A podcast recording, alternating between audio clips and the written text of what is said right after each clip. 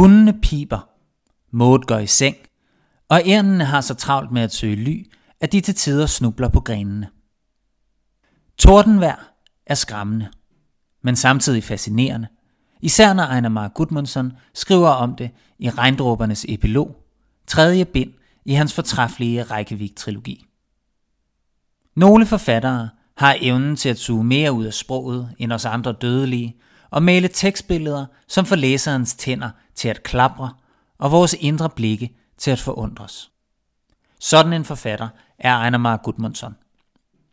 Så mens det begivenhedsfattige gråvejr tynger den danske decemberhimmel, tager vi bag dagens love en tur til Island, hvor værguderne folder sig ud i kaskader af lyriske billeder.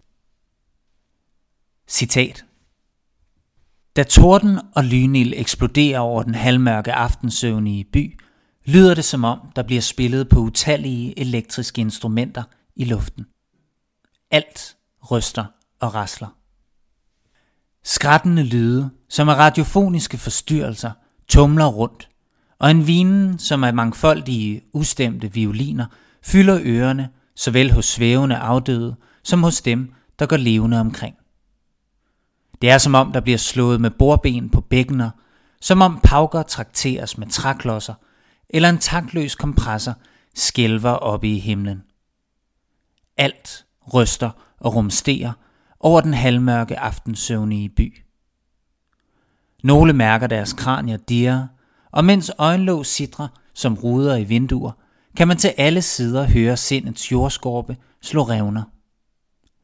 Et sted flakker pupiller omkring som lysekroner mellem vægge. Et sted stryger sprækker hen over skrøbelige sjæle.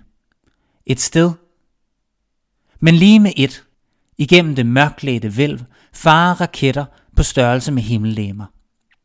De farer afsted med så voldsom fart, at det et øjeblik er som om samtlige himmellemer springer i luften.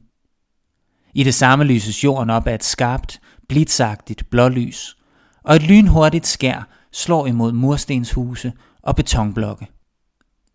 Her er alting så lyst. Her er alting så klart. Citat slut. Sådan lød dagens love. Hør med igen i morgen, hvor vi åbner en ny love ind til fiktionens forunderlige univers.